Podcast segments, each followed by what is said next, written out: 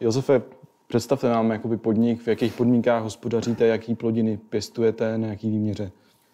Tak naše, naše výměra je ve své podstatě od těch 90. let víceméně stabilní, protože v té, v té transformační divoký, eh, trošku divočejší době jsme přibrali část, část podniků, které, kterým to úplně nevyšlo, ta transformace. Eh, začínali jsme s lůčením v roce 75, ještě jakoby JZD začínalo na nějakých 15 hektarech. Potom jsme se eh, dostali po té revoluci, kdy se přibírali ty některé farmy nebo části, části rozpadlých, rozpadlých podniků. Se dostali někam k 2,5 tisíce hektarů. Dneska současný stav je asi takový, že máme, obhospodařujeme nějakých necelých 2800 hektarů zemědělské půdy, z toho je zhruba 550-560 hektarů trav, což je samozřejmě docela dost, ale vzhledem k tomu, že jsme Eh, hospodaříme na obou březích eh, vodního nádrže Želivka nebo Švihov, abych byl úplně přesný, tak, tak vlastně jsou to ty louky, které tvoří tu nárazníkovou zónu před tou vodou. Takže ty hektary jsou, jsou asi takhle, takhle poskládaný, eh, co se týče katastrálních území, tak máme 31 katastrálních území hmm.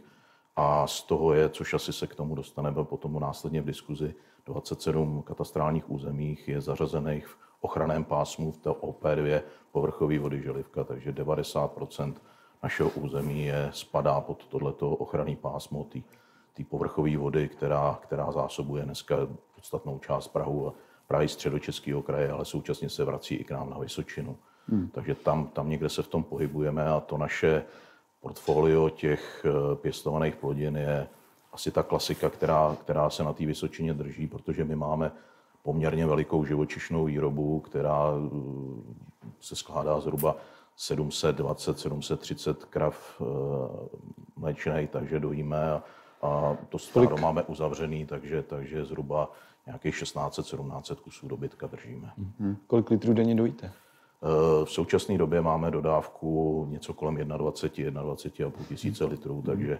jedeme z převážné většiny Holštíny, takže toho mlíka musím říct, že dáváme docela dost, že to je, že to je asi dobrý. Samozřejmě každý, kdo dělá ty holštiny, ví, že to úplně s těma složkama tam trošku pokulhává, hmm. ale samozřejmě výkon, výkon vůči, vůči tomu jako asi dobrý a s tomu odpovídá eh, taky i ta struktura těch plodin, takže dejme tomu na nějakých 300-350 hektarech Eh, děláme kukuřici na siláž, což je vlastně základní objem, který, který pro ty kravky tam máme.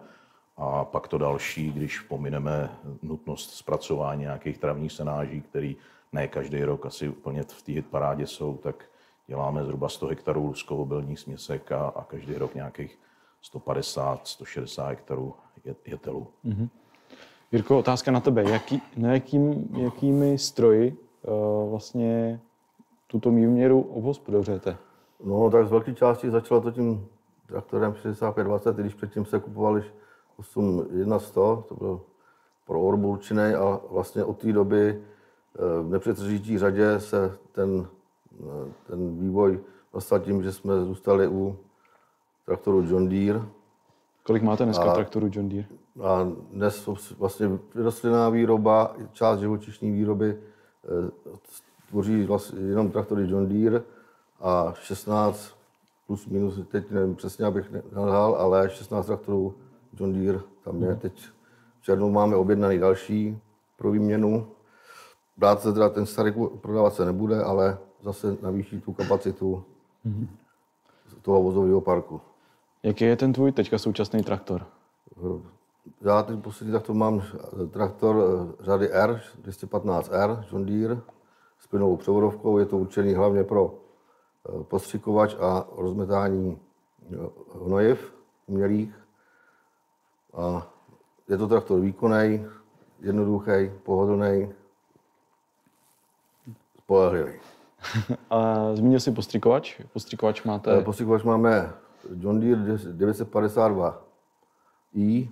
Je to power spray se sekční kontrolou, takže tam nastává ta výhoda, že, že eh, nedochází k překrytí pozemku na nasýkané látky, šetří to náklady jak, jak hnojiv, tak chemie, tak tím se náklady. Že? Mm-hmm. Možná taková zajímavá otázka. Přemýšleli jste někdy o samochodu, nebo vždycky pro vás byla volba, uh, volba jít uh, tažený postřikovač, Josefa? Uh, my jsme uh, myšlenku samochodu vždycky maličko nakusovali pouze ve chvíli, kdy jsme řešili, uh, jestli ta, ten přejezd uh, poslední v kvetoucí řepce nám uškodí nebo neuškodí, protože do té doby uh, my jsme bytostně přesvědčení, že, že tahle ta sestava nebo souprava nám umožňuje prostě daleko lepší využití toho, toho tažního prostředku. To znamená, že my ho můžeme využít i v té mrtvé době, kdy, kdy prostě jsou nějaký ty převozy a nějaký ty jízdy, takže bylo to vždycky akorát takový to chvilkový, když jsme se podívali na tu řepku a viděli jsme, že, že tam děláme, děláme možná s tím eh, posledním ošetřením na tu lízenku trošku, ale, ale převážilo to a já si myslím dneska, že, že i ty výsledky, které který dosahujeme a máme to porovnání, protože ty naši sousedi, eh, jak bych to řekl, půlka má samochody, půlka vlastně jde cestou naší, takže, takže ty porovnání máme. My nejsme ty, kteří bychom spolu nějakým způsobem zápasili nebo něco. My jsme ty, kteří se snažíme spolupracovat a, a já říct to asi jsme si přející, ne, ne, nejsme ty, kteří bychom druhýmu přáli něco špatného. Takže, takže musím říct, že dneska jsme rádi, že jsme šli touhle cestou a jsme s tím spokojení. A já si můžu vstoupit, vlastně já teď začnu na jaře rozmetat umělá hnojiva, že jo, to máme mm. taky se sekční kontrolou. Udělá se hnojiva, to hned já nastoupím na, na chemii, na, na, na postřikovač a tím to vlastně, ten traktor je furt využitý, že, mm-hmm. že není potřeba mít, pro mě, pro mě jako pro obsluhu, je mít lepší tenhle stroj více, a více účelový nářadí na to, než samochod, že jo, a skákat, starat se o dva, zase těch hektarů nejtolik a dá se to zvládnout, že jo. Hmm, hmm, hmm. Protože když naházím 3-4 tisíce hektarů e, s metadlem a 8 tisíc hektarů e, se nastříká, tak se to, dá se to zvládnout, že jo. Hmm. Marku, e, dokázal bys nám teda představit, jaký portfolio John Deere nabízí tak ono se to málo ví. Když se budeme bavit, začneme třeba o těch samojezdných postřikovačů, tak třeba John Deere vyrobí samojízdných postřikovačů tolik, jako všichni konkurenti dohromady ne za rok. Pravda, největší továrna na výrobu samojízdných postřikovačů je v Severní Americe. Ty postřikovače se tady taky občas vyskytují. Na letošním roce čekáme dodávky dvou těchto kusů ze Severní Ameriky s objemem tam je nádrž 6 000 litrů. Typická oblast, kde se to dá využít, je Jižní Morava. Tam je náš vlastně zástupce John Deere Agro Service Višňové, který postřikovače provozuje už možná více jak 15 let, ne déle. Jinak eh, pro evropský trh eh, se tyhle postřikovače vyrábějí v holandském Horstu, co je kousek za hranicem s Německem. Tam se dělají tažený postřikovače, vlastně začínáme na objemu 2400 litrů, končíme dneska už na 7,5 tisících v tom taženém provedení a uh, vlastně dvě řady za samojízdních postřikovačů evropský 4 nebo 5 kubíků, ramena 24 až 36 metrů. Ty samojízdní postřikovače tam umíme nabídnout s karbonovými ramenama ale možná bych se pozastavil trošku u těch tažených postřikovačů. Tam se vlastně vyrábí dvě řady, řada 700 a 900. Vy jste vlastně v Hořicích měli možnost před tím, než jste pořídili tu 900, tak jste měli možnost si zkusit 700. Ne, nebylo to ještě označení M, to M tam přibylo až později. Dneska je to řada M700. V podstatě s postřikovače jedno písto membránový čerpadlo, ředitelná OJ, odpružená náprava ramena 18 až 30 metrů, když dneska na západních trzích je možný 33. Tady v Čechách zatím na tuhle menší řadu postřikovačů eh, se to nenabízí. Ale jak je to písmenko M, tak ne, nedalo na sebe dlouho čekat a přišlo tam to písmenko R, tak jak to znáte u vaší devítistovky.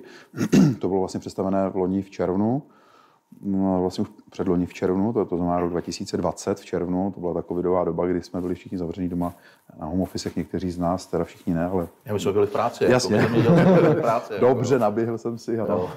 náhodou to sledoval někdo mimo rezort Na, na, home, na home office kabině. Na home office kabině, takže to bylo, jasně, to bylo own office. Na, no, ano, a tak jsme teda, ano, a tak to byl představený nový model a tam ty, to, píst, to písto vybrané čerpadlo nahradila kombinace těch dvou, my to znáte pod tím obchodní názvem Power Spray kdy je jedno sací a jedno plnící. U té sedmistovky jedno sací má výkon 600 litrů za minutu a to postřikový má 750 eh, litrů za minutu. Eh, vlastně na letošní rok jsme tyhle postřikovače, myslím, že dodáváme 4 nebo 5 Eh, je to zajímavá kombinace, ještě jsem zapomněl zmínit sedmistovky, to byl takový bestseller, ty se tady prodávaly od roku 2007 a od roku 2007 se jich tady umístilo přes 200 už, takže ono, těch tažáků z Rady 700, to je jako zajímavá věc, nej, nejvíc, největší, nej, nej, nejrozšířenější nádrž je 4 kubíky, No a dneska s tím, jak se zvětšuje, ubývá těch lidí v zemědělství, aby se zvýšila ta efektivita té práce, tak se do těch větších objemů. A to nám potom nabízí řada 900, o kterých ty si tady zmiňoval. A zase máme rozdělení M a R. Ty postřikovače jsou v zásadě stejný, co týká podvozku, ramen. Tam je řízená teda náprava, ne O, odpružená náprava. Ale ty postřikovače se liší zejména, eh, liší zejména tím srdcem toho postřikovače, kdy M je jako, jako mechanika, kdy mám tam kombinaci vlastně tandem pístomembránová čerpadla dvě, tak jak jsou u sedmistovky jedno, tak u MK jsou dvě. Ale u toho RK, to je, dostávám se k tomu, co vlastně provozujete vy, tak je tam kombinace zase dvou odstředivek, systém Power Spray, jedno plnící 12 litrů a uh, druhý je postřikový 750 bývalo, ona ta možnost je pořád nebo 1000. V české verzi máme dneska už automaticky větší, tu 1000 litrů čerpadlo. Já máme 750. Máte 750. Hmm.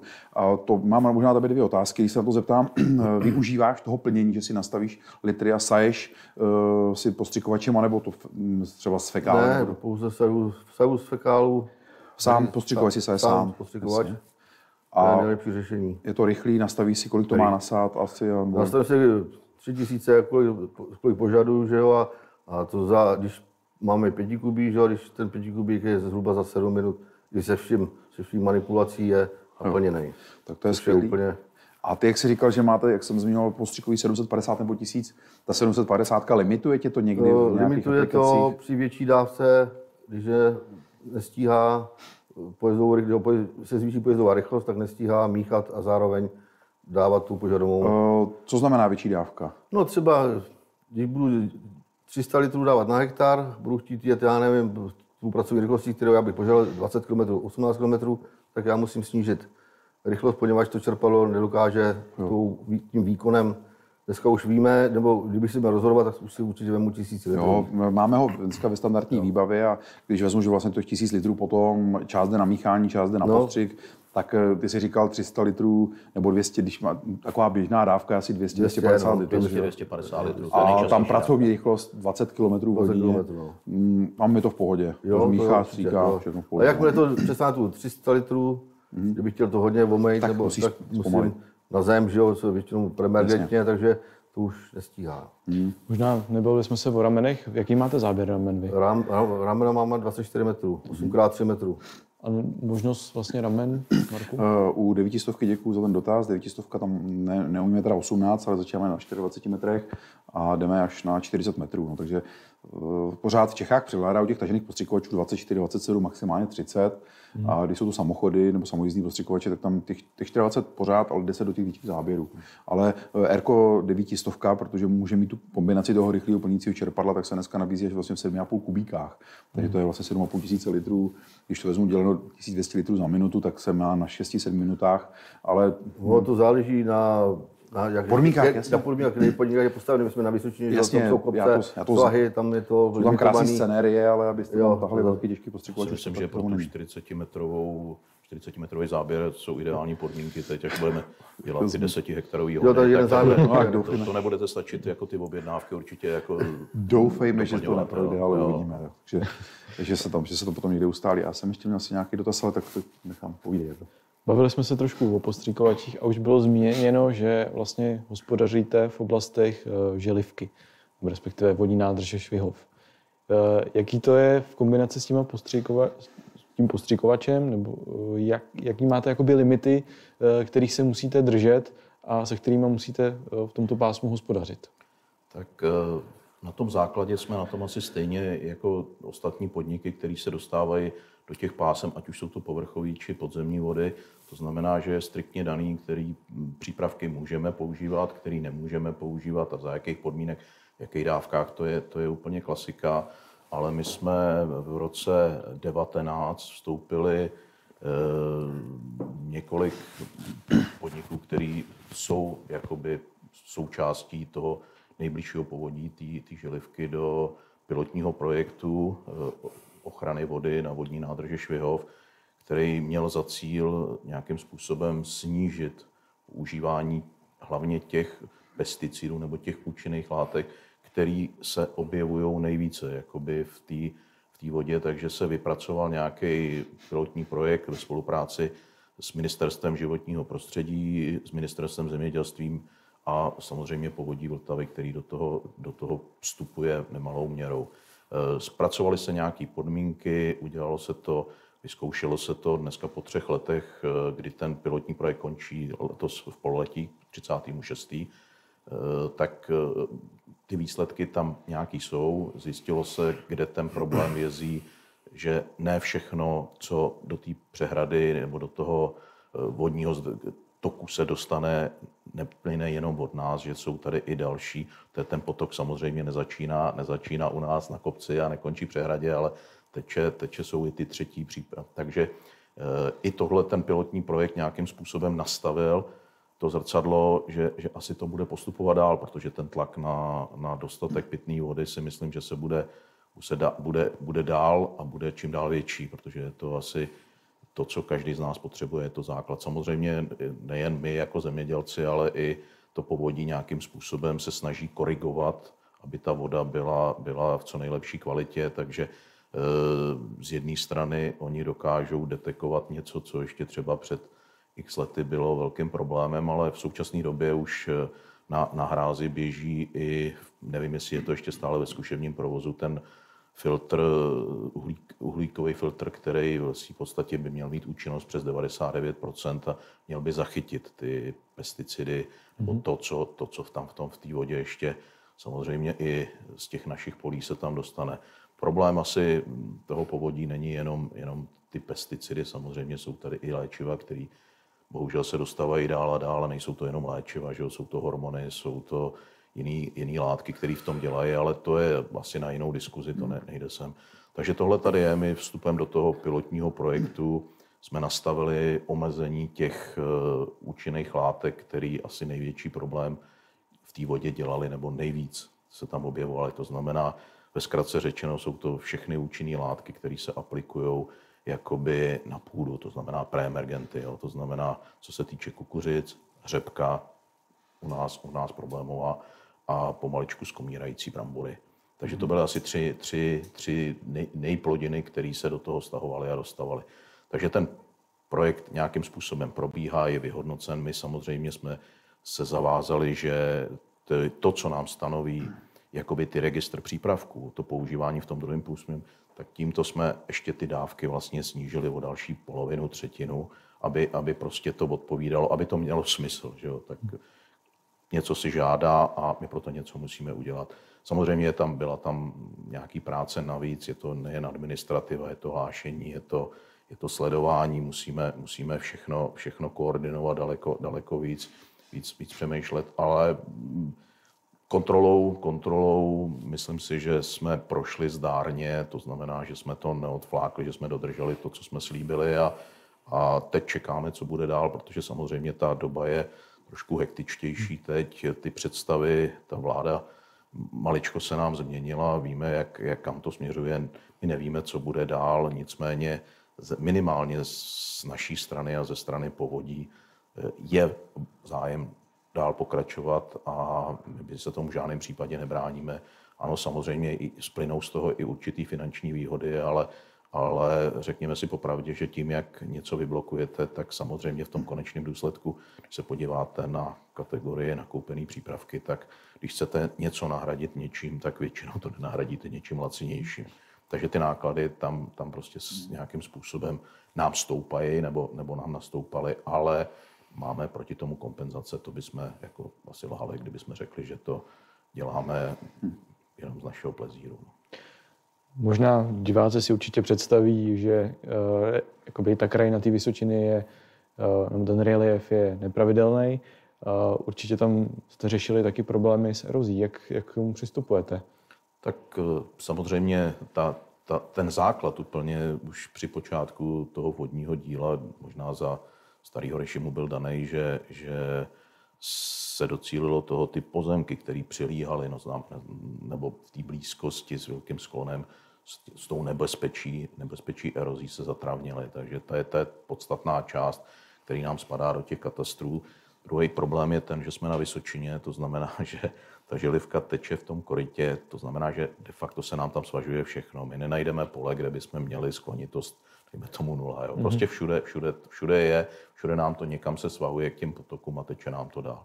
Samozřejmě snažíme se, my musíme plnit nějaký standardy, které musí plnit ostatní a k tomu přibíráme i to další. Dneska ta diskuze se rozvinula rozvinula v tom, že ubývající živočišná výroba, to znamená, ta Morava řeší obrovský problém ne s erozí vodní, protože ta placka tam je, ale tam se řeší problém s erozí větrnou, což v konečném důsledku je ve v podstatě to samé, protože, protože my tu organiku tam dodáváme zpátky, jak jsem říkal v úvodu, prostě 1800 kusů dobytka vám nějaký hnoj vyprodukuje, my ten hnoj Kolik, vracíme. kolik to je tun? Eh, Já si myslím, že, ta, že, že se pohybujeme někde 16, 17, 18 tisíc který my vracíme zpátky mm-hmm. samozřejmě my. Veškerý provozy, který máme, máme stelivový, to znamená, že buď je to na, na hluboký podestýlce, nějaký ty odchovny nebo kravíny, máme klasický stelivový provoz.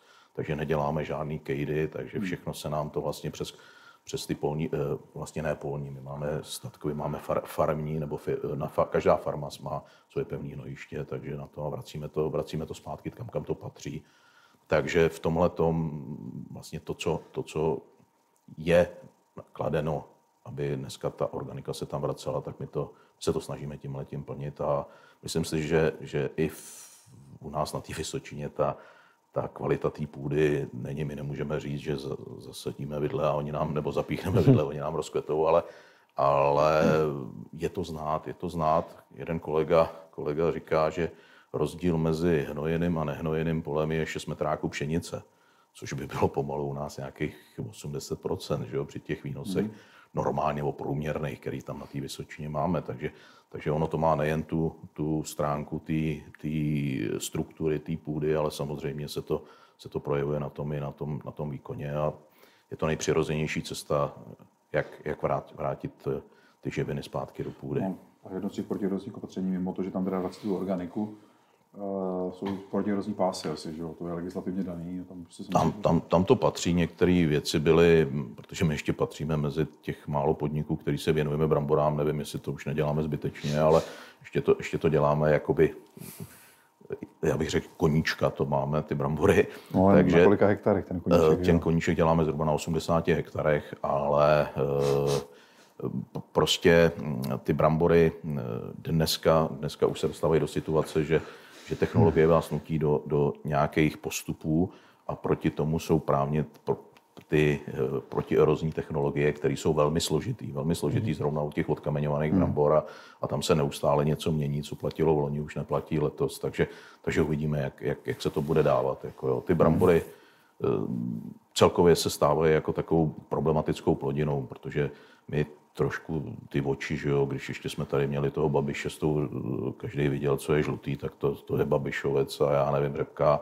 Dneska myslím si, že tohle to trošičku utikne, protože ty, i ty hektary jdou dolů, ale v těch bramborech speciálně v těch ochranných pásmech je opravdu obrovský problém se do tam dostat nebo e, zajistit nějaký přípravek, který nám bude brát ty základní plevele, to znamená ten herbicidní. Co se týče fungicidů, je to taky bída, ale ty herbicidy, já bych řekl, to je úplně zkostný příklad a, a my, pokud nevíde, pokud nám nepomůže počasí, pokud nemáme optimální počasí, to znamená ať teplotně či vlhkostně, aby nám zabral ten fousatý jediný přípravek, který smíme do pásma používat, tak, tak se dostáváme docela do tristní situace a, a dneska jsme to ještě vylepšili tím, že že nemůžeme desikovat, ale to se netýká nás, pásma, to je zakázaný přípravek mm-hmm. prostě a, a tím už jsme dospěli jako do takového, že my neuž, nesmíme používat v ochranných pásmech e, přípravky, které vlastně slou, berou poslední fungicidní přípravek, který bere jakoby hlízu, chrání nám hlízu. To my nesmíme, protože je v pásmu zakázaný. Mm-hmm. Takže tím,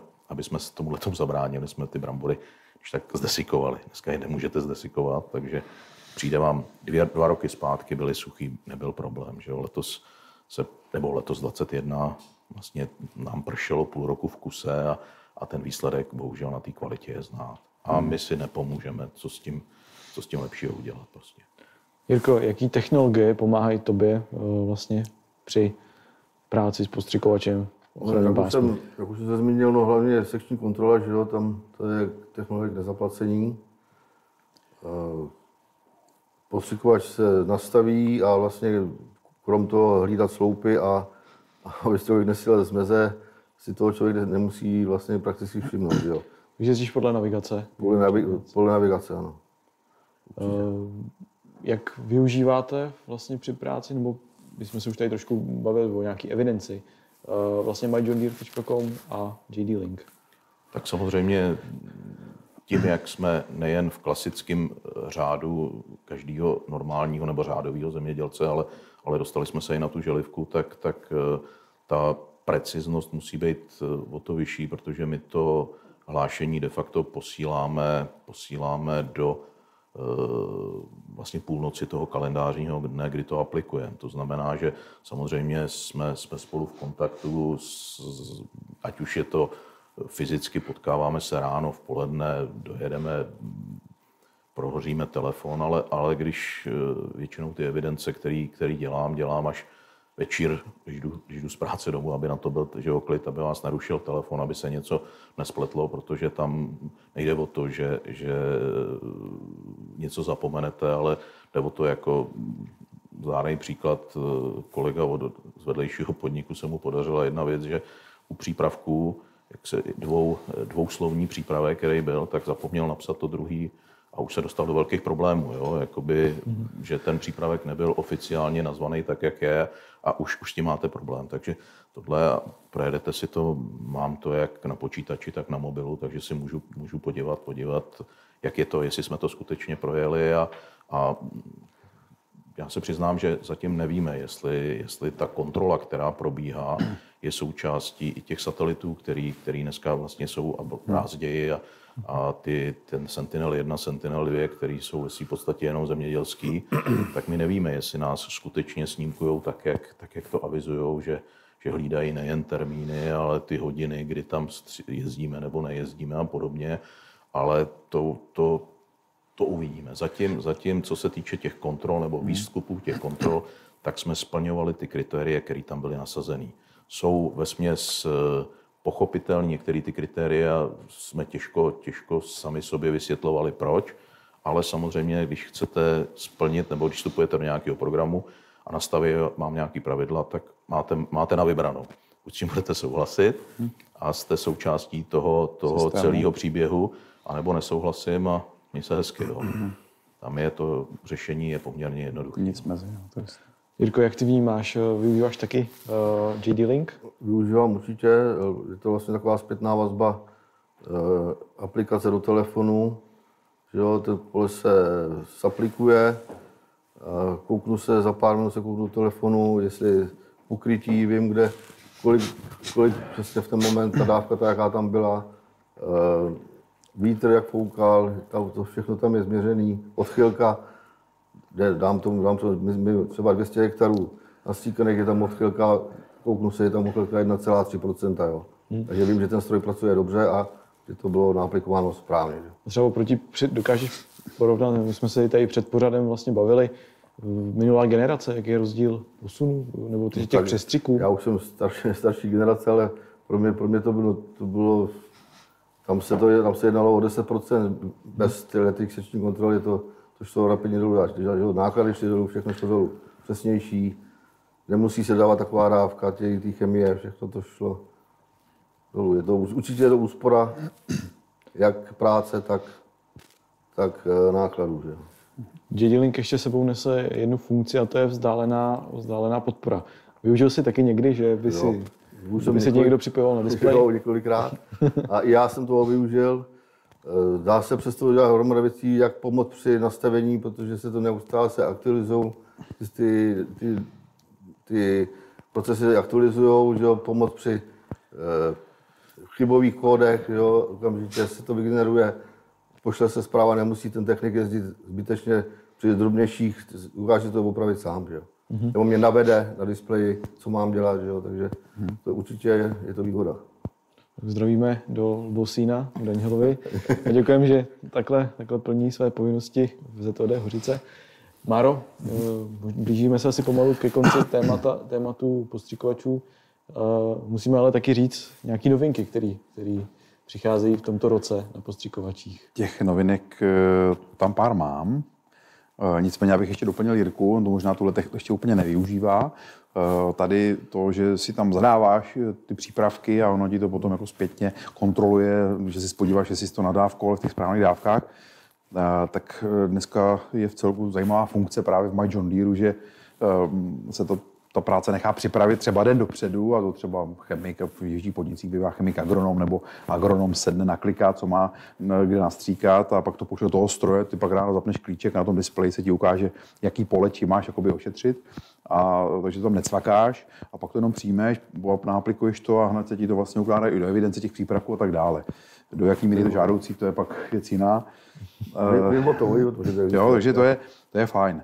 Co se týká těch novinek, tak eh, tam jakoby jednou z největších novinek, já, protože my jsme v takové zvláštní době, vy možná to tak nevnímáte, že to zemědělství prostě od 1. ledna do konce roku a 24-7 ten, ten život nebo ten vývoj se malinko zpomalil z různých důvodů. Překotně se to úplně jako ne, nevyvíjí, ale vlastně v tom roce 20, 2020 byla představená novinka, to byla ta sedmistovka, to znamená pístomembránové čerpadlo nahrazený dvěma odstředivkama. Zákazník získává čas, že vlastně jako rychleji naplní, stráví méně času tím ne, tou neproduktivitou, kdy eh, čeká, než se to naplní a může to jaksi převexlovat ten produktivní čas. Takže sedmistovka, už tam není kardán, ty to vlastně taky, že neženeš kardanem, to je vlastně z hydrauliky traktoru. Traktor si dneska, eh, ta dávka URka není řízená tlak, nějakým tlakovým, eh, jaksi tlakovým ventilem, ale řídí se to otáčkama ty ostředivky, ty vlastně vidíš na displeji, když zpomalí, zrychlíš, že se zvyšují otáčky nebo zpomalují otáčky ty ostředivky a vidíš tam sice tlak, ale ten je změřený, ale není tam, nereguluješ tlak, takže tam to je to zajímavá věc, to znamená, máme dneska, my tomu říkáme Air Family, hmm. protože samojízdný postřikovač má stejný systém Power Spray a sedmistovka má stejný systém Power Spray a devítistovka má systém Power Spray a když mám příležitost a ty zákazníci, jak si naslouchají, tak máme, je to pro ně rozhodně zajímavá, zajímavá záležitost. To Airco devítistovka těžko dneska hledá konkurenci z hlediska té výbavy. Ale malinko jsme tam přidali v tom, že jsme, ty máš dneska standardní rozestup trysek po 50 cm, Eh, dneska eh, umíme nabídnout i po 25 cm. Je to samozřejmě daný snížení, že můžeš ramena přiblíž blíž porostu, tak aby si zmenšil tu vzdálenost mezi porostem a těmi rameny a byla to, jak se hm, ta malá, jak ta malá možnost úletu těch kapiček. A eh, to je, je to samozřejmě složitější systém, ale myslím si, že to bude jedna z věcí, kudy se to, kudy se to jaksi, no, tohle, tohle požene.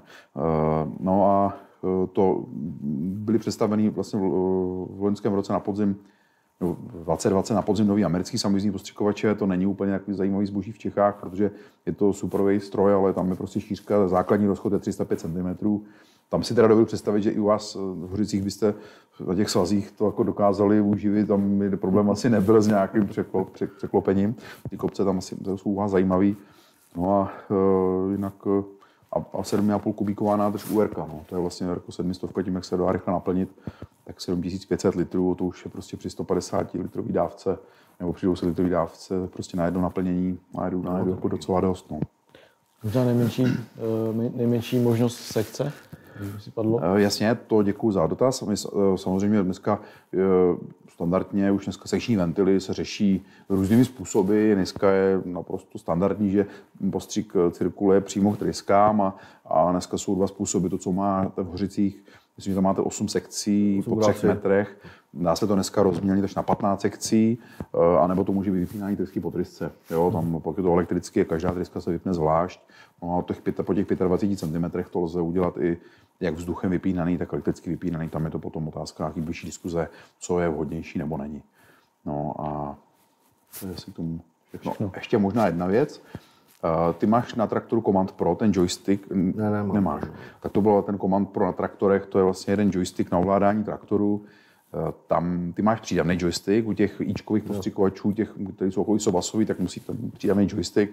Eh, kterým se ovládají ty funkce toho postřikovače, skládání, oskládání, vypínání Ale sekcí a tak dále. Jestli to můžu skočit, jde to, jde to vypnout. Jde to vyhodit a přepnout to na, G, na display. Jasně. Na display na G46 to jde ovládání. Jo, jo, jo. Takže to je, ale tady jsem chtěl říct, když máš, když je takto z Command Pro, připojíš ičkový postřikovač, tak joystick nepotřebuješ, ale definuješ si sám, jaký tlačítka má co ovládat. A samozřejmě tam se to dá nastavit i podle jako myslím obsluh, že obsluha má tlačítka, i, ty budeš mít nastavit tlačítka jinak, pak ti bude zase zaskakovat jiný, někdo jinak chce to mít jinak, to má zase nastavený jinak, vždycky si to vyvolá z té paměti.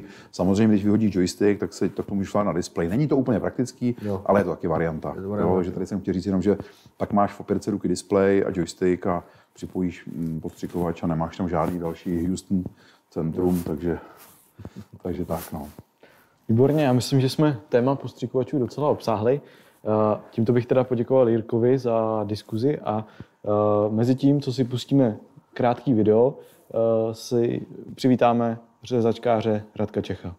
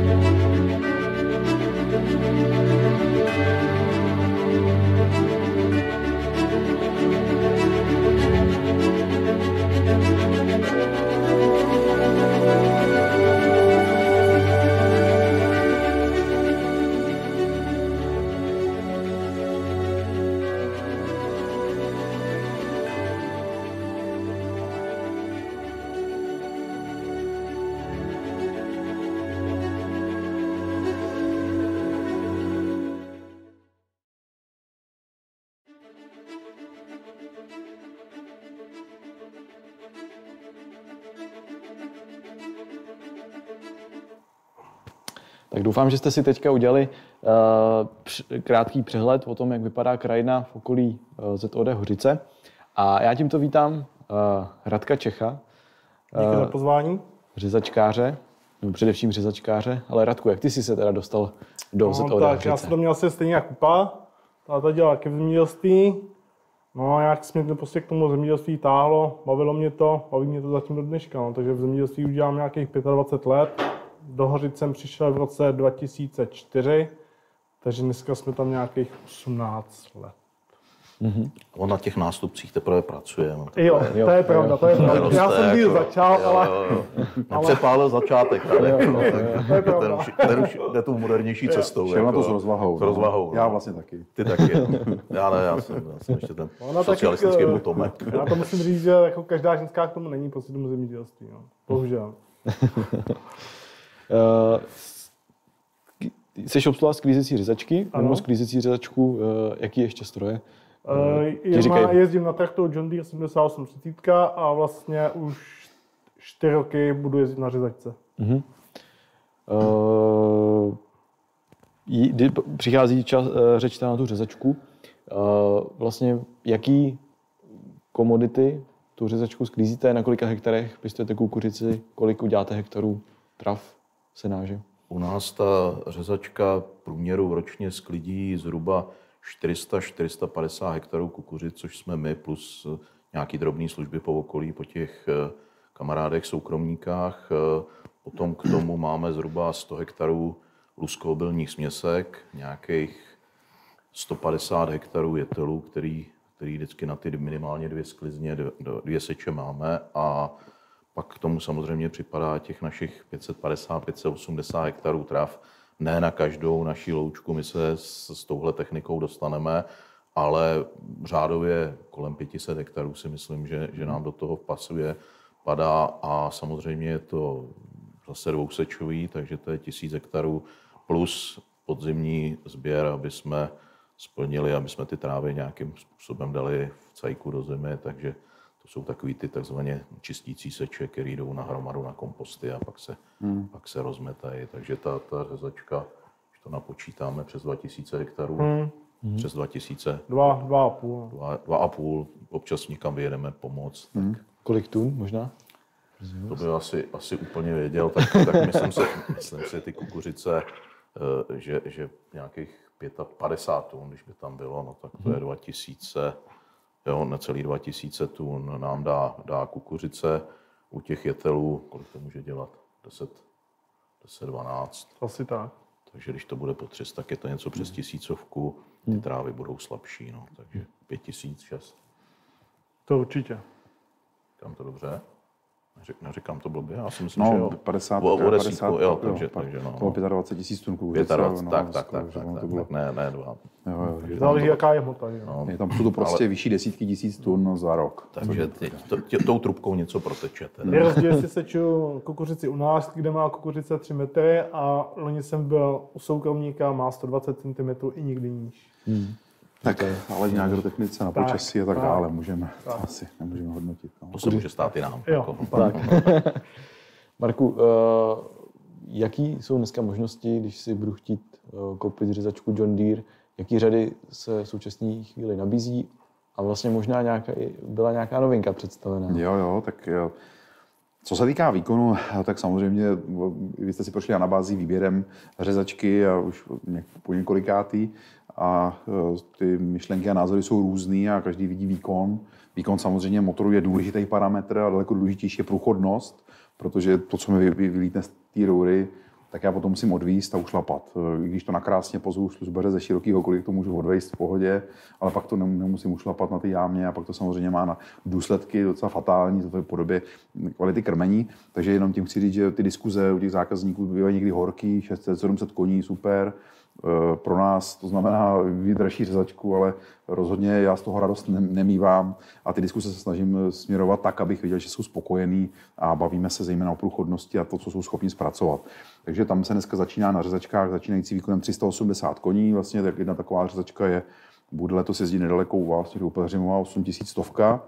Ta tam je umístěná a tam je, průchodnost eh, samozřejmě v těch eh, polních podmínkách 80-90 tun za hodinu. V testech dokonce udělala 160 tun za hodinu, ale to je změřený na nějakém úseku, že to prostě dá, ale tam máme ty prostoje, otáčky na souratě a tak dále. Takže začínáme někde na 80 tunách a pak jdeme, řada 8000 končí na 625 koních a pak je řada 9000, tam má širší vkládání o 17 cm a tam je potom výkon skoro 1000 kobyl, je 970 koní a to je na 12 řádku adaptér, to je 400 400 tun za hodinu, to jsou stovky kil za vteřinu a to pak samozřejmě si tomu, tomu, tomu musí mě postavit ta linka, ty řezačky 9000, tady provozujeme 9600, což byl první, první model, těch, to je takový bestseller, jedna z 8300, k tomu se vrátím, tak ty největší řezačky tady jezdí dvě, 9, 9900, v lince, kompletní lince, tam to nejde vytrhnout z té linky, ta linka prostě musí fungovat jako celek. A pak je, je tady 9700, tu provozuje v Jižních Čechách vlastně da- služby Daniel. No a těch, ty 9 čestky jsou společně s řezačkou, co máte vy, ta 8300 takovým bestsellerem, protože 8300 je plánovaná někde na 120-130 tun za hodinu takových trvalých pohodových. My tradičně provozujeme už několik let předvádění a tam jsme si sami vyzkoušeli, že není problém jít na 180 tun trvalých, že prostě za 10 hodin se dá s tím sklidit eh, docela mm, jako příjemné množství hmoty. No a, tak, a to je přesně stavený na ty jámy, takový ty klasické jámy z těch 80. 90. Ale, ty, a ty, ale podniky, kde tedy postavili bioplinku postavili k tomu větší jámy, tak tam tak 9 Česká, první rozšířená řezačka s motorem John Deere, Eh, tam je to 220-230 tun za hodinu. A to pak samozřejmě vás posouvá ve výkonu, ve výkonu dál. Co se týká těch novinek, eh, my vlastně 8000, 9000 zůstala stejná. Eh, John Deere vlastně donedávna vyráběl motory o objemu 13,5 litru nejvíc, pak představil 13 Česků, to se nás zatím netýká, myslím si, že to bude v nějakých těch našich větších traktorech, ale představil nový 18-litrový motor, Eh, Tuším, že je postavený asi na 900 koní výkonu, mám pocit, ale pro vlastně západní trhy, řeknu tu západní Evropu, byla představená 9500 a 9600, tam vlastně nahrazuje tu současnou 9600. 9500 má výkon 700 koní a 9600 750 koní. Je to teda na motoru John Deere a zákazníci si váží především toho, že to vlastně všechno je od John Deere. To znamená, jak začíná počíná adaptéry, kabina, řezací buben, motor a vlastně všechno, ne- nemůže tam být, tak nefunguje tam ten alibismus, to je, není náš motor, my musíme zavolat jiný servis, prostě jed- jedno číslo, jeden servis a John Deere to prostě chce mít, aby nabízel ten full servis a no, takže, jsem, takže to bude jako zajímavý, zajímavý řešení. Ty největší řezačky mají motor Liebherr, tam je 24 litrový 24 litrový motor, 12 válec do Včka, to je potom prostě uh, už, mm, jak se zmenšuje, jak to mám říct, ten počet prodaných kusů, tak tam si myslím, že na těch tisíc kobil eh, v tuhle chvíli Deere jako svůj motor vyjet nebude, takže se vyplatí prostě si ten motor Liebherr koupit od švýcarského výrobce, vlastně to se dělá ve Švýcarsku motorek, že to jsou švýcarské hodinky. Já mám doma ledničku líbé. Jo, no, to je blbý, teda jako když to. To, to musí být plná, že jo, to je základ. To je základ. Plná lednička, ale nemusí to být líbé. Ne, ne, já, ještě, já ještě poslouchám, tak, tak by mě zajímalo, jak ty soudruzi v NDR budou dělat ty baterie na ty tisíci kobilový, až, Hele, až tohle- tu, tu uhlíkovou stopu dotáhneme do úplného maxima teda. Já se tady pustím na ten, na tenký let. Eh, Je to můj osobní názor, jak se dneska můj, můj osobní názor. Ano, ano, ano. Eh, Tady se ty aplikace pravděpodobně budou muset rozdělit. Tam jako si dovedu představit, že budou aplikace, kde to bude moct fungovat na baterky, budou aplikace, kde to bude moct možná fungovat na nějaký typ různobarevného vodíku, který bude vznikat nějakýma nadbytečným výrobou energie nějakých elektráren větrných a tak dále. I když vzhledem k tomu, co se děje eh, ve východní Evropě aktuálně dál za náma, tak uvidíme, jak to s tou přebytečnou elektřinou bude. A, a pak budou aplikace, které asi budou muset zůstat pravděpodobně a postavený na tom základě toho, co jsme zvyklí A, dneska. a nebo teda existuje třetí cesta, jak tvůj kolega tady na začátku přines tu kosu. kosu, tak, takže se vrátíme, vrátíme. Po 50 let zpátky. 50, toho bych se 100, dožít, o 100 let toho bych se dožít nechtěl. Nemyslím jako s na to, že bych mm, musel si ten pohyb jako naučit. To by mi snad ani nevadilo, ale pravděpodobně by to nebylo jenom o té kose, ale celý by to bylo asi úplně špatně. A ke koníku. Jo. Pryč Takže- od toho, pryč od pryč toho. Takže co se týká toho motoru, a to ještě, ještě dru- druhá zajímavá věc, uh, nebo nová věc, Deere vlastně redesignoval komín, jak tomu říkáte vy, heligon, komín, vliv komín, Komín. komín takže budeme říkat komín, protože tam ty příklady jsou všelijaký. Tak tam eh, ten komín je vyvložkovaný dneska z patentovaného materiálu, eh, kde, by se, kde se výrazně snížila jako lepivost toho třeba těch eh, cukernatějších plodin, jako je vojtěžka, v určitou fázi to sladký a teď se otáčí na souvrati a ta, ta šťáva ti tam uschne, je to hrubý. A tak tady ta, ten materiál je, mm, prostě z z toho, jak to mám říct, méně, tam prostě není tak, líp, líp to prostě, líp to prostě Takže to bude jako pánvička, kde se ti nic nepřed. Teflonová pánovička, prostě počkáš na červený bo- puntík, můžeme vyrazit. A co jsem ještě chtěl zmínit jednu věc, a to už teda my jsme to měli na demíčku, vlastně v roce 2020, eh, vlastně 2019, 2020. eh, Jestli já, ty jsi Vojtěžky zmiňoval nebo nezmiňoval? Jetele, Málo dělá- jetele, jetele. Ale ty, co dělají Vojtěžky, může to být zajímavá informace pro ty, co ty řezačky provozují, protože bývá problém právě v určitý fázi, kdy se ta kukuřice, eh, pardon, Vojtěžka, Vojtěž, Vojtěžka sklízí, tak tam je ten cukr tam prostě začne skrystalizuje a když je v řádku, tak je to dobrý a na konci pak zvedneš ten pika, potáčíš se, ten buben má ventilační efekt a vlastně ti us, vysychá ten, ten travní kanál a ten kanál vlastně celkově ti to uschne a ono ti to jaksi zhrubne. A jak najdeš do řádku, tak se to tam zasekne a samozřejmě se to ucpe. Je to bez, tady musím teda říct, že to je jedno, je- jaká je to řezačka, to, to, to jsou většinou vtípky na tohle téma, ale eh, je to dneska vyřešený tím, že eh, je tam jsou dvě trysky a jakmile zvedneš adaptér na ty souvrati, tak se tam pustí voda a vlastně ti to jaksi žene, eh, z té přídavní nádrže, tak ti to žene vodu, aby ti to nevyschlo, jakmile zase dáš adaptér dolů, tak to se zastaví a ty tu cestu máš mokrou a, a zase nabereš a můžeš jet. Takže no, máš na řezačce dvě nádrže. ne, ne, ne, ne. Eh, Správná otázka. Standardně vzadu nádrž na přídavný konzervanty, ty tam máš tuším 360. Ano. Teď je líp zaizolovaná, aby se to neohřívalo, teď je 325, je tam takový ukazatel, kolik tam toho v tom eh, je, je dneska toho, jakoby, je uvnitř, uvnitř té látky. Eh, tak se to vlastně staje z téhle nádrže na vodu. Ale samozřejmě můžeš narážet na to, a tady zase jsou různý dva světy. Západní Evropa aplikuje mi- mikrobiologii a dává malé dávky 0,1 litru na tunu. Tak eh, tady mi se to úplně nepotká, ale pokud, protože můžu, tam je pak malá nádržka, dávám ty mikrodávky a vzadu můžu dávat tu vodu. Pokud jdu kyseliny, je to, nebo nějaký vyšší, ty máš 3, 4, 5 litrů, jak se to jde z těch nádrž, tak to tam potom samozřejmě chybí. No. Takže ale běžně na trhu ty řezačky kon- konkurenční bývají nějakou větší nádrží na vodu nebo na tyhle velké dávky, na mikrodávky. Tam pokud jedu víc těch vojtěšek, možná je dobrý tomu jít naproti a podívat se po těch mikrobiologických nebo těch nějakých biologických látkách, které se dávají v těch menších, menších dávkách. No. To jsme asi vyčerpali téma novinek. Eh, Možná pro zajímavost, eh, bavili jsme se o rouře, ta se třeba ta se vyrá- vyrábí nedaleko od vás v Pelřimově Agrostroji Pelřimov, takže i na řezačkách John Deere je Tam trošku se, tam český. se vyrábí víc věcí. Tam, Trošku Se vyrábí český, Na toho, je- John Deere se tam toho vyrábí víc, ale ne- nejenom John Deere. ano, my jsme, my jsme zjistili, že záleží taky, s jakou barvou přijedou. Takže, takže prostě Jaká je fakci? některé stroje na píci jsou úplně stejné do té doby, než dojdou do lakovny. Že jo? Pak už se to dělí na ty jo.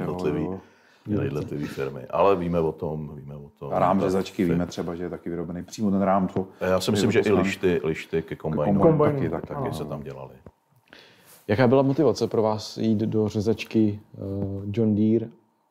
Tak eh, teď, když jsme měnili John Deere za John Deere, tak už jsme tu motivaci měli, měli víceméně jasnou, protože ta mm, 11 let jsme ji tam měli Radku tu předtím, nebo 12, jak to tam bylo dlouho?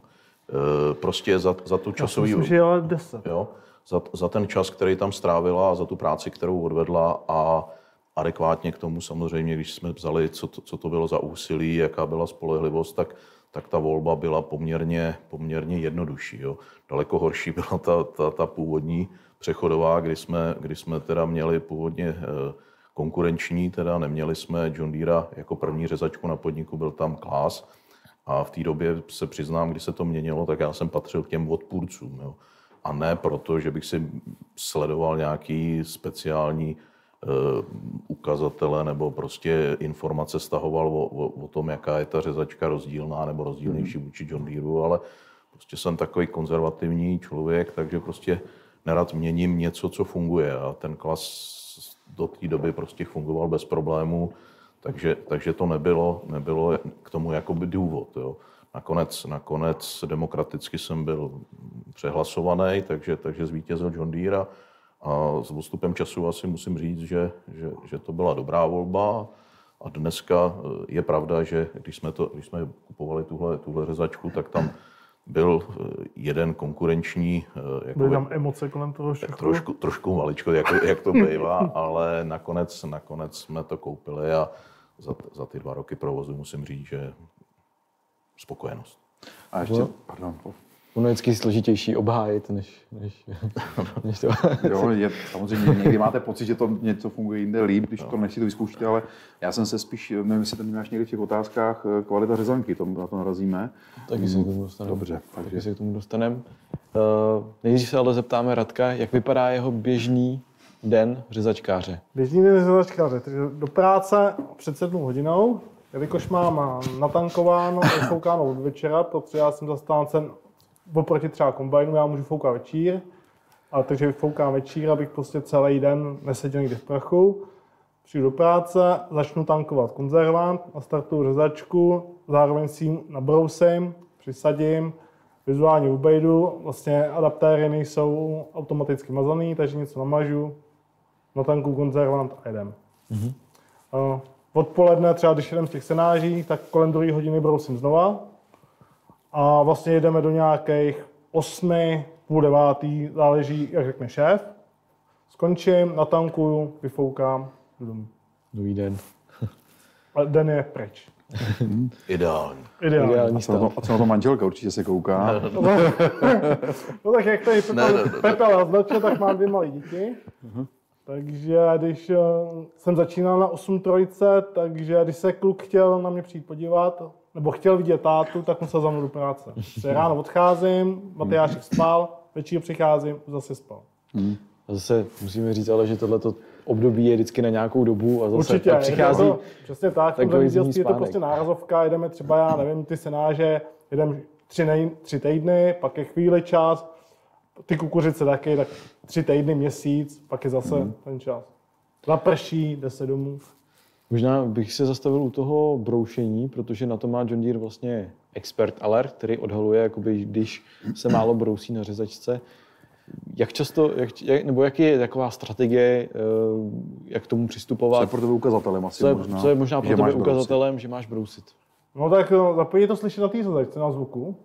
A vidím to na fůře, jak, jak, jak to, zase, když je to, ta hmota je suší, tak třeba když mi to začne dělat delší řezanku, když mám nastavený, tak už vidím, že ta řezačka je tupá. Jako viděl jsem to třeba u sousedů, tam prostě řezačka mučí a já říkám, proč ji nenabrousíte? My nemůžeme.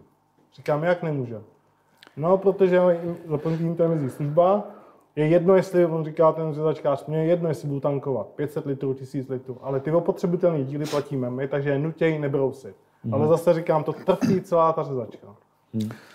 Je pravda, že třeba v kukuřici tam se brousí míň, než že jo, sam- v sanážích, tam se jaká přisadí ta ocílka.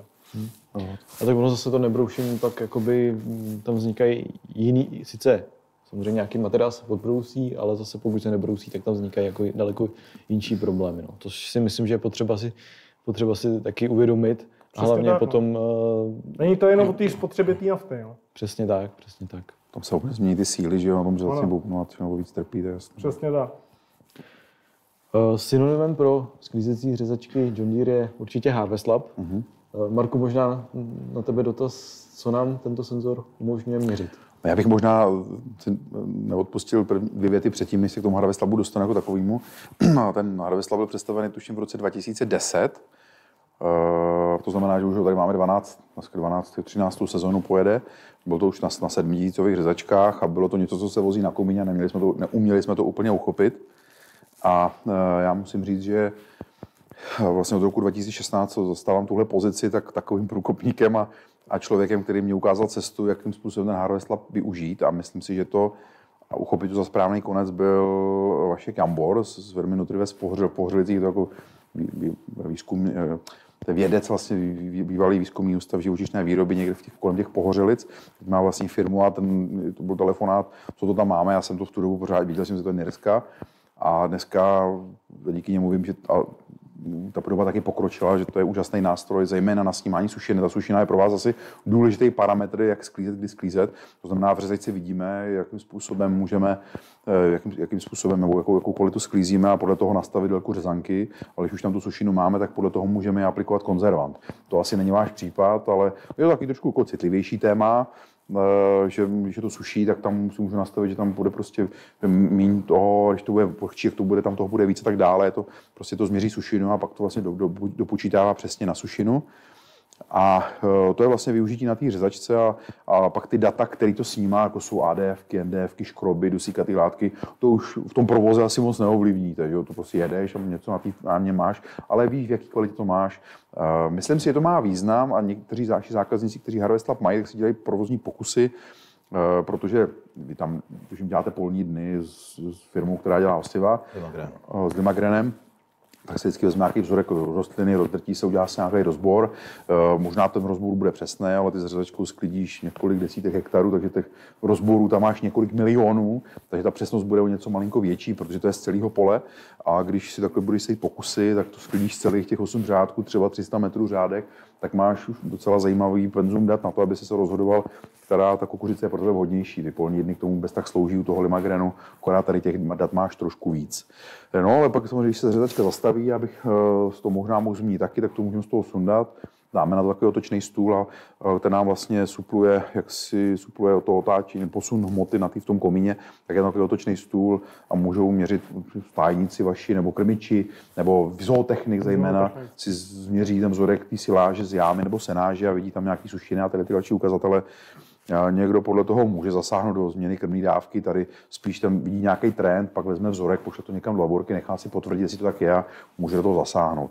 No, my jsme vždycky říkali, že to je Harvest Lab 3 v jednom. Ta třetí varianta, jak to lze využít, je při aplikaci KD a Digestatu, což není váš problém. Dá se to na fekál a ono vlastně to asi víš ty, Jardo, to možná eh, ty zkušenosti s tím asi máš velký, takže to umí aplikovat KD Digestat eh, ne v závislosti na množství, ale v závislosti na obsahu živin. Takže dáváme kila dusíku do zpátky, není, nejsou to kubíky, ale kila dusíku, draslíku fosforu.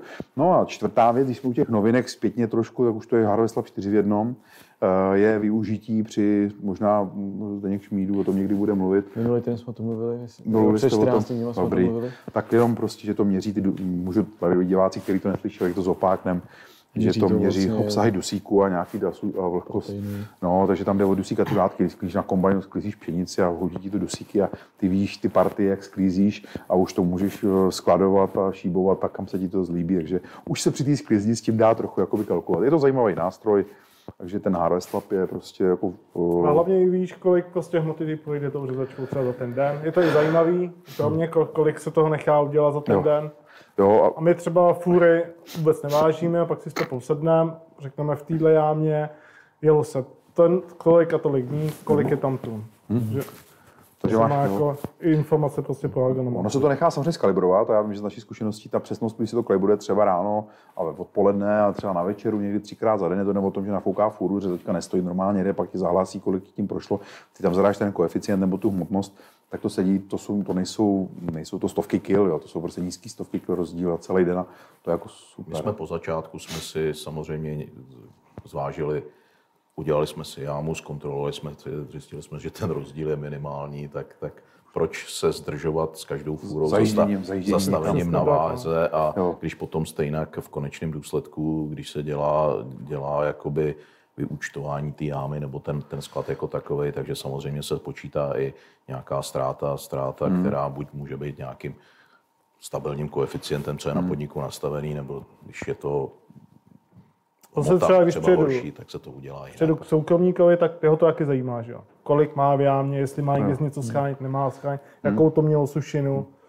Takže Byla tady zmíněna sušina, který, kterou ten Harvest Lab umí, umí uh, měřit a podle toho se určitě nechá řeknu, plánovat postup sklizně. Jak vy vlastně přistupujete k možná v senážích a taky vlastně v silážích eh, k nějakému, harmo, nějakému harmonogramu eh, té sklizně? tak ty eh, senážní věci, ať už jsou to trávy nebo jsou to ty jetele, tak svým podstatě to je taková, taková klasika, kde se čeká, jestli, jestli je to před, před kvetením nebo některé, některé trávy a podobně, tam, tam se z toho nedělá zase úplně, úplně nějaká laboratoř, ale co se týče kukuřice, tak samozřejmě, eh, jakmile zjistíme nebo sledujeme ty porosty, Máme vyzkoušený některé hybridy, který, který do nějaké výšky nasejeme, protože eh, my jsme díky, jak jsme říkali na začátku, tak máme přes asi 230 metrů rozdílu mezi nejnižším a nejvyšším bodem nadmořské výšky, což je, což je docela, docela dost, takže i, i ty kategorie těch eh, jednotlivých hybridů a ty FA musíme podle toho zařazovat, ale na tom samotném začátku eh, změříme nebo přes laboratoře akreditovaný, i přes ty nírsky se to nějakým způsobem dělá, jakmile se dosáhne nějaký ty sušiny kolem těch 33-35%, tak prostě nejvyšší čas a, a jede se do toho. A, a samozřejmě potom, potom i ten Radek vidí na tom, na té řezačce, jakým způsobem s tím pracovat dál, je tam, že jo, takže, takže na tom poli, který vám začíná se svahem tam a tadyhle u lesa, tak maličko to tam lítá, ale nějaký ten průměr tam je. A je, je to prostě taková, taková kontrola. Samozřejmě, když přijedete na pole a dojedete někam, kde je to podmezí, kde, kde nezasvítí a ta vlhkost je, tak stejně se tam nevracíte, ale dáte to tam, ale víte, že, že prostě zrovna v tomhle kousku to bylo takový. Je to, je to prostě přehled. Máte přehled, co to dělá, srovnáte si to na začátek a, a myslím si, že to, že to splňovalo. A Když je problém, je tam ta možnost jí upravit dílky, dílky řezánky. Radku, ty využíváš na řezačce uh, systém nebo možnost uh, změny délky řezanky, změny dá- dávky konzervantů na základě to Harvest Labu? Změním to dost snáží, jak říká tady Pepa třeba u ty kukuřice, tam sice to mám zapnutý, ale jelikož jsou tam nějaký procenta, že jo, takže v té kukuřice to neskáče ta sušina od takových procent. Tý senáži je to trošku něco jiného, protože třeba ráno je to zelenější, zasvítí sluníčko, odpoledne to suší. Takže tam to je to využití takový větší, no, než té kukuřice. no. Takže prostě vždycky pak na jámu přivezou ten materiál, který už lapatelnější, protože samozřejmě jako zootechnici to chtějí delší, když je to Samozřejmě, vlhčí, jako náš že jo, nebo výřivář, jo, když jsme Když si je to sedli, tak to musíte zkrátit, abyste to ušlapali. tak on zase, by no. nejradši řezal třeba na 3 cm, že jo? nebo na 4, aby ta kráva prostě žvejkala. Ale, ale tohle, tohle řezačkou my máme vlastně 56 nožů na bubnu, docílím 2 cm. Ale pak, když se jdu podívat na ten žláb, no tak ta kráva to má třeba z toho kamného vozu, je je to ještě jako víc rozměrný než, Hmm. než po mně. Jo. Možná dávkování konzervantů, jak řešíte? eh, Dávkování kon- konzervantů vlastně máme tu nádrž na 360 litrů a um, vlastně, jelikož mi to by to, mi to nevycházelo nikdy, tak to namícháme silnější a dává si trošku míň. Bych se prostě nemusel z velkých dálek vracet prostě na středisko a zase, zastav, když bych se vracel, zastavím celou linku, Třeba hodinu by se stál, nebo hodinu a půl, že jo. A když je hezký počasí, tak ta hodina, když prostě svítí sluníčko, tak je to zase znát na té sušině, pak by to bylo třeba, řeknu, seno, dalo by se říct. Mm-hmm. Máš to v litrech na tunu, prostě v displeji Ano, nastavené. mám, mám to v litrech na tunu, si se to prostě nechá nastavit a buď to, uh, hlí, za prvý to vidím, jo, a, a i to hlídá ten Harvest Club. Uh, jak s kvalitou řezanky? Jak, jak vy vlastně řešíte? I, už jsem tady koukal do dotazů, byl tam dotaz, jaký máte uh, bubny na drcení, Zr- zrnový procesor. zrnový procesory. Uh, sledujete i tento parametr? Mm, určitě, protože hlavně, hlavně by to měl hlídat si živočichář, jo? My tam máme teda dva, dva válce s tou spirálovou drážkou. Řekl bych, když já se podívám někde, no, zastavím, fouknu si trochu na zem, tak tam nenajdu prostě zrníčko. A to je údajně živočichář prostě spokojený. Tak samozřejmě ten trend, kdy už bylo být jenom narušený zrníčko, už, Už je pryč, je pryč, no. Dneska tam to zrníčko nem- nesmíš najít a ono samozřejmě ty A my válce. nevíme, my nevíme, co bude za rok. jako, Jo, to je pravda, to je pravda. Takže živočišná, jako v každém podniku asi, že jo, větším v takovýchhle rozměrech, když to není u soukromníka, tak tam určitá třenice mezi, mezi rostlinou a živočišnou nebo tímhle je, ale myslím si, že že my jsme, my jsme změnili, eh, odešel nám zootechnik do důchodu, máme tam druhý rok mladou, mladou perspektivní zootechničku, která, která eh, má zájem nejen o ten konec, kolik vyteče, vyteče eh, z, tý, z toho paka toho mlíka, ale samozřejmě už na tu cestu a to je to, je to co je to potřeba, protože eh, my víme, že to, co jsou pro nás žně, tak to by měly být pro ně senáže kukuřice, mm. že jo? to je základ toho, to je ta nejlacinější, nejlacinější vstup, který do toho dají v tom porovnání. Ale musím říct, že, že v tomhle se to zlepšilo a ta, ten pohled na tu věc tam je a já si myslím, že, že i Že to hlídá, prostě je zainteresovaná tak, do toho, tak, tak, že, aby- že, Není problém, že zavolá xkrát za den, jakou to má sušinu, ale řezanku máš nastavenou na tohle, zdá se mi to krát, krátký, nebo je to suší, dej to delší, jo. otisk kabiny No, kloflíčkem. Samozřejmě. Se Dneska- nemusí jako u těch starých řezaček vylejzat ven na, na, na převodovce přeřazovat. No já a- bych možná řekl u starých řezaček, oni se i takové řezačky prodávají pořád nový, že musí vylejzat ven, no, že to prostě, ale Tady pak prostě já si cvaknu na, na potenciometrem, se otočím a řezanky tam je. No. Tak je důležité, že se takovýhle systémy nechají využívat a hlavně, že to přispívá k eh, zvýšení kvality. A jestli tam byl ta dotaz, takže máme 56 nožů na bubnu. Mm-hmm. U No. 7, 8, 50 jsme měli 48. 8, 8, 8, 8 48, to bylo po 8. Tím bychom asi vyčerpali diskuzi okolo řezačky a přejdeme teda na dotazy, kterých se nám tady opět pár uh, vyskytlo. A opět pozdravíme Pepu Rokose uh, z nedalekého podniku. Uh, a ten se ptá, kolik máte zaměstnanců a kolik z toho pracuje v rostlinné výrobě.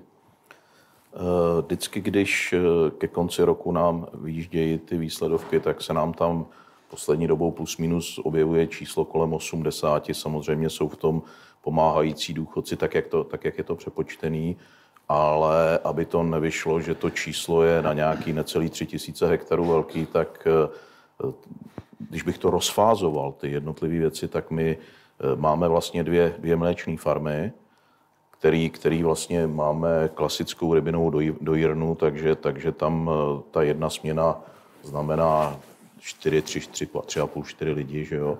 Takže, takže tohle potom máme odchovny, kde těch lidí je míň, ale, ale prostě furt to patří do té kategorie živočišní, co se tu týče rostlinné výroby, tak jedeme, jedeme na dvě střediska. Eh, V tom jednom středisku, který máme přímo v Hořicích, jakoby na sídle firmě, kde je i i vlastně veškerý servis, to znamená dílna tyhle ty věci. Mechanizace prostě celá. Mechanizace, jakoby centrální středisko mechanizace, tak tam je kolik? Sedm vás? Sedm, sedm. Sedm, sedm lidí, kteří tam jsou, plus do toho patří to druhé středisko a tam jsou tři, dneska čtyři, protože tam bude generační výměna. Takže to je deset, deset lidí, ale samozřejmě, když přijde bramborová sezóna nebo něco, tak hmm. ještě půjčujeme. si půjčujeme, půjčujeme nejen chlapy z dílny, který, který samozřejmě máme tam moc šikovný i mladý kluky, který, který to je radost na to koukat. To skoro zázrak. Jo, jo, jo, jo, jako když máte, když máte opravdu někoho, koho to baví a vidíte to, tu No, zručnost. šikovný, už- že skočí z mašiny do mašiny. Jo, takže to je, to je prostě, no, to je, to je to, co, z čeho člověk, jak ty křížky přibývají, tak z toho musíme mít radost, že to takhle je, že tam, že tam je. No. A samozřejmě krom rostlinný a živočišný, tak máme svoji vlastní kuchyň, takže, takže vaříme jak nejen pro zaměstnance, ale pro, pro členy a důchodce, kteří rozvážíme obědy. Takže tam jsou taky tři lidi zaměstnaný, máme, máme dílnu, jak jsem zmiňoval, takže tam, tam může být eh, do deseti lidí, ale samozřejmě my to nazýváme, že to je dílna, ale je tam člověk, který dělá, dělá mícha, mícha krmiva pro živočišnou výrobu, směsi. Jo, je to takový, je tam autodoprava, všechny tyhle ty věci do toho spočínají.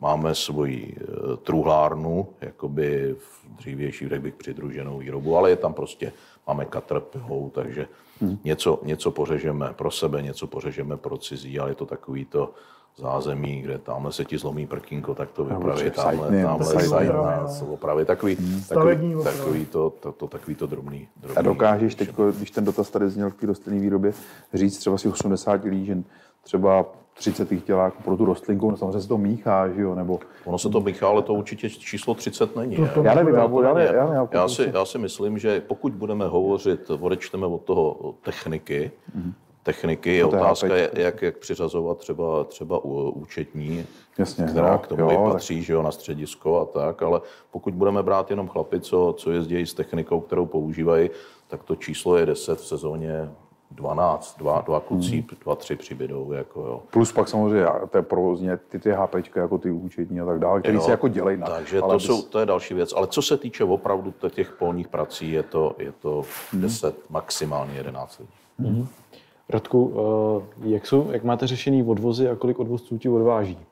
A odvozy, odvozy máme řešení, že mi jezdí tři velký na burgery. A když nestíhá, tak se ještě veme jedna mega. Ale většinou, když jezdíme, dalo by se říct, já nevím, do nějakých sedmi kilometrů, tak ve dvou, ve dvou se to nechá odvozit, protože než jsem začal jezdit na řezačce, tak jsem ten odvoz jezdil. Když se potom jezdilo dál, že máme, mm, jak máme dvě farmy, tak máme i dal, dal, další vzdálenosti, takže když už se jezdí potom třeba nevím, 10-12 km jedna cesta, tak se jezdí prostě ve třech, ve čtyřech. No. A ono zase, když bude hodně odvozců, budou mi stát u jámy, takže to stejně nemá, nepozna, jako pozna, nemá to význam. Tak. To je to jsem říkal Jak, o tom jak, výkonu. jako Marek povídal přesně o tom výkonu, my máme řezačku nějakých 480 koní nebo 490, bohatě to pro náš podnik stačí. Veškerou kukuřici, kterou zasejete, sklízíte řezačkou, nebo se občas stanou i roky, že sklízíte zrnovku? Tak my jsme rádi, když se nám povede ten speciálně rok, že, že opravdu nemusíme nic jiného, že to řezočkou do té jámy dostaneme. Samozřejmě je to v loni 2021, kdy už to nebylo kam dávat, teda, teda tu kukuřici, tak jsme udělali, udělali 20, 20 to bylo? 20, 20. CCM, teda vlhký zrno jsme sklízeli, ale samozřejmě je to, zase je to trošku všechno jinak a je to nabouraný. Jo. Když sklidíme, tak, tak nám tam nabíhají ty další a další věci, vápníme, vápníme po kukuřicích a podobné věci. Tohle tam to stálo, že jo, takže než se dostalo eh, mezi, mezi koncem kukuřic a tímhle proběh další měsíc, to znamená, že další 20% nám odnesli prasata, který nám to tam hmm. rozbou. Čím víc prasata vám to, to zlikvidujou, tím víc máte potom těch palic, které vám zůstanou na zemi, to znamená, tím víc vám zase ty prasata na to jdou další rok, protože protože ty červy, který, který na tom pracují, nebo ty, ty, ty všechny věci, tak Další náklady, čuňát- náklady čuňát- navíc. čuňátku vonějí, takže se do, do toho dostáváme. Takže pro nás, my určitě nemáme, nemáme žádný ambice se pouštět do nějakých zrnových kukuřic, byť by to asi, asi neříkám, že nešlo, šlo by to. Šlo by to, nechalo by se to, ale v dnešní době my máme kompletní eh, vlastně posklizňovou linku, včetně, včetně bych řekl, velmi, velmi dobře vybavený sušky. My jsme koupili, je to, je to na, na stlačený kapalný plyn, takže Alván Blanč, jako výkonnostně všechno výborný, ale dneska při těch cenách energií a, my ne- nedokážeme se dostat s tou sušinou někam na 18%, mm. jo. Když jsme to sklízeli, tak ono to má 30, když byste chtěli 30, 30% sušit, no tak to, je, to jsou hrozný peníze v obráceně, když, když to dáte, dáte do, do vaku, jakoby pro tu živočišnou výrobu, tak eh, já ten konec úplně, úplně ty peníze nevidím. Jako, no, když si necháte posekat 50, 50 hektarů nebo 40, nebo kolik nám loni zbylo, nebo předloni zbylo, takže když se to necháte pos, posekat, vaky. uděláte dva vaky, když se to naplní, tak je to sranda za půl milionu korun. Jo. A teď dokáže, dokážete vyčíslit, jestli se nám toho půl milionu korun Vrátí. nevrátil, jestli jsme ho ušetřili na nakupovaných krmivech, na, na tom nějakém jádru. Nebo, Je, tak je to určitá záložka možná, kdyby se něco dělo, že to je CCMK dobře Sam- udělaná, samozřejmě je stávalo- kvalitní krmení. Že jo? Stávalo se, jako- víme, že se tyhle věci řešily vožní, že jo? když pršelo a pršelo a, a obilí rostlo, rostlo v klasech, tak taky se to nějak řešilo. Vždycky je, vždycky je to jako nouzový řešení, Ale ale říká tady Pepa, je to, když se nechá ta kukuřice na zrno, vždycky problém prasata. To je obrovský problém. Všichni No, okolo posečou, Tak to je jasný, ty se nám bereš jenom zrna nastěhujou a škody. No.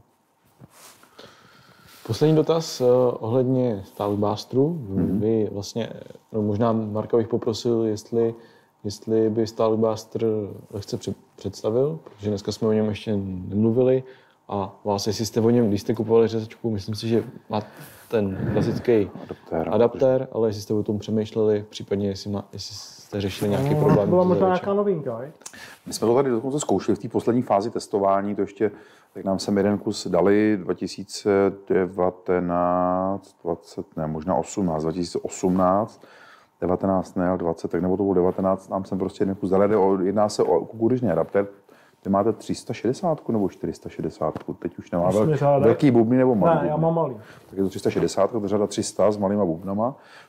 A Stalkbuster vlastně jde na osmi řádek, ale s velkýma bubnama. A je to zařízení, kdy má vlastně ve spodu nad každým řádkem, tím kukuřičným, takový kladivo, takovou prostě pěknou, pěknou kulatinu, přichycenou jedním šroubem a jak, si, jak ten adapter sbírá tu kukuřici, tak pod tím se, pod tím každým řádkem se točí tohleto kladivo a vlastně jak si rozmlátí ten zbytek toho strniště a funguje to do nějakých možná 40 cm, kdy to jakoby dokáže úplně pěkně jak si roz, roz, rozdrtit. A uh, hlavním důvodem je to, že ve vaší oblasti, ty jsi na to narážel, když jsme se tady trochu bavili, ten uh, z- z- zavíječ kukuřičný mm, není u vás už takový jako problém, takový tlak, ale v těch níže položených oblastech a Polabí, Jižní Morava, kde se sklízí siláže a dělají se vyšší strniště, tak on se pak stěhuje v, těch, v, tom, v tom podzimku, když se předsklizní, pod to první kolínko dolů a to zůstává většinou na poli a on to potom nějak zpracuje a zaklopí se to, on tam přezimuje a pak se s tím začne pracovat na jaře a jak vleze kukuřice, tak on zase vylítne. Takže my, my se mu tím jako p- to přezimoviště, eh, přirozené, nebo přirozené přezimoviště se mu Rozbije roz, se mu rozbije, rozbije se mu domeček, to je správně tak, a rozdrtí se to a on nemá kde přezimovat. Takže tím se jaksi mechanickou cestou likviduje, eh, sníží se tam jako výrazně výskyt toho, toho zavíječe kukuřičního. Samozřejmě dá se to vypnout, ono se to pořád točí, je to tam přimknutý, obsluhu, obsluhu to nějak neobtěžuje, vede to asi 40 koní na 8, když vezmu 6 řádek, to je vlastně 8 řádek je 6 metrů, takže na 6-metrový drtič na 40 kobyl, to není nic. Ale Tady je hlavní výhoda ta, že když jedu s tím adaptérem v té kukuřici, tak vlastně ta kuku, ty, to strniště mi ještě stojí a on to krásně rozdrtí. Vy to můžete mulčovat, nebo někdy třeba přitel, řeknete To si to. jsou mulčou sousedi. Mulčou. Že to musíte mulčovat, ale vemte si, řezačka má kolo široký 80 čísel a my jeden, dva řádky ušlápne na jedný, jeden, dva na druhý, odvoz něco ušlápne a ono to přilehlý, podrtí A ten mulčovač to neveme už. No. polovinu možná, kdyby dobře, tak polovinu, pak už je to na půdní frézu. Tohle to samozřejmě má svoje limity, kamenité podmínky jsou problém, všechno má svoje, tak jako půdu zpracující stroje, ale jsou oblasti, kde si to dovedu dobře představit, že to prostě krásně nadrtí a si, ne, ne, nějak to nesnižuje výkon ty řačky extrémně, ale ta práce zatím je pěkná. A to má jako nějaký nasávací účinek, když třeba budeš dělat to straniště, třeba řekne, nevím, 50 cm, že to rozbiješ k zemi. No, tak ono, jak když vysoko, ono samozřejmě to kopíruje. Tam jsou jednotky, které jsou na pneumatických, jakoby, mm, pneumatických mm, jak můžu, pístech. A když jdeš dopředu, tak to jaksi přilehne eh, jakoby na zem a jede to vlastně v tom, eh, kopíruje to, tady máš lištu, tady bude, tady bude mm, jakoby podla, eh, pole, tak to jede vlastně jako tímhle způsobem. A tady se ti točí to kladivo. A že ono Při couvání vlastně- se to přizvedne. A při couvání, jakmile zpomalíš pod 0, myslím 5 km hodin, tak se to přimkne. Není to mulčovač, když je to polehlý, to prostě nefunguje. Funguje to opravdu jenom Při stojaty. při stojatý kukuřici. Jako dokáže to uspořit zajímavý peníze, respektive ono to něco stojí ten provoz, ale vlastně jedním vrzem to mám sklizený, zmučovaný nebo prostě připravený pro následně zpracovat, už zadiskovat nebo zapravit tam hnoj nebo něco, nebo nevím. U nás na Vysočině tam, kdo, kdo používal mulčovače, jakoby, tak většinou to bylo v tam, kde je minimalizace, jo, kde se, Jo. kde se ve svý podstatě Třeba si to nevoralo. Jasně, mm-hmm. třeba si naproti tomu, aby to rychle zatlelo, aby si s tím potom neměl problém. Tam nebyly. Možná poslední dotaz ode mě. Eh, Vy vlastně minimalizaci přistupujete jak? Nebo děláte kompletní výměru orbou? Nebo My zatím se držíme, držíme té klasiky, takže, takže voráme, voráme všechno. Mm-hmm. Samozřejmě tím, jak eh, nějakých 25% ročně minimálně té půdy vyhnojíme, tak, tak ty zavorávky hnoje z našeho pohledu, ten pluk na to patří. Samozřejmě, že ty nové technologie, každý to odůvodňuje nějakým způsobem, že to funguje taky nebo nefunguje.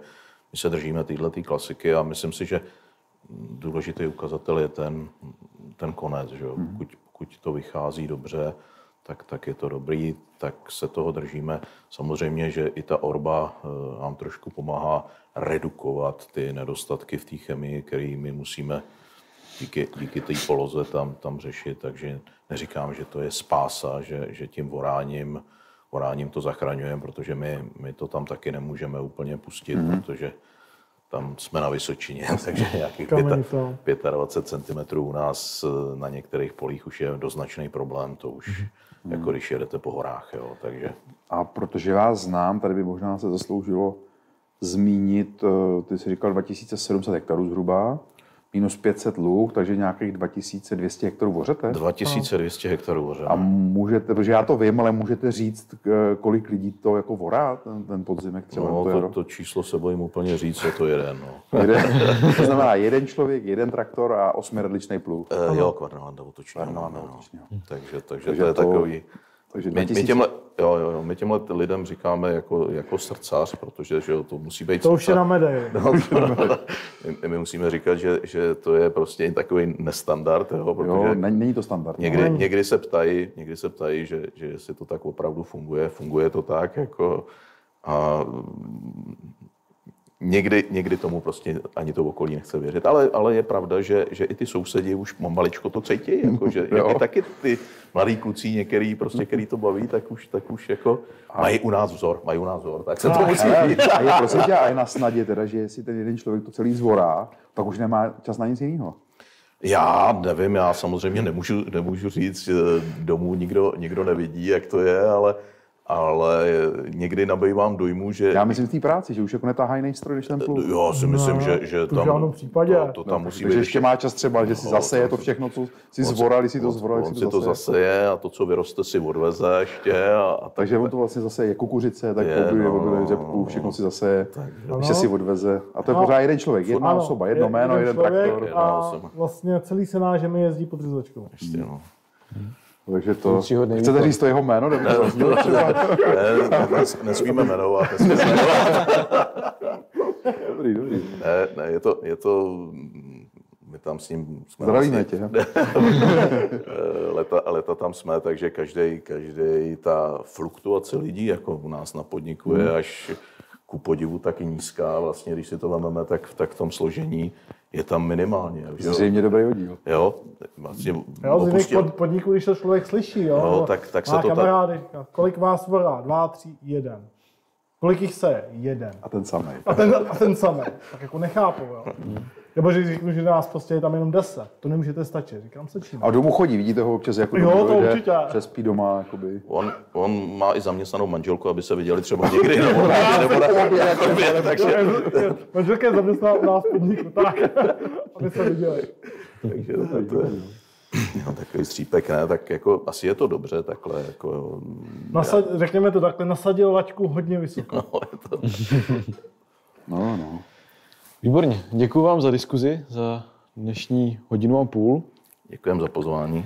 Eh, Chtěl bych eh, na závěr zase pozvat na příští týden. Příští týden už bude březen, eh, kdy zase ve čtvrtek 3. eh, pojede z Denda na návštěvu na farmu a tentokrát bude teda změna oproti avizovaným programu. Pojede na, do podniku Agrokunčina.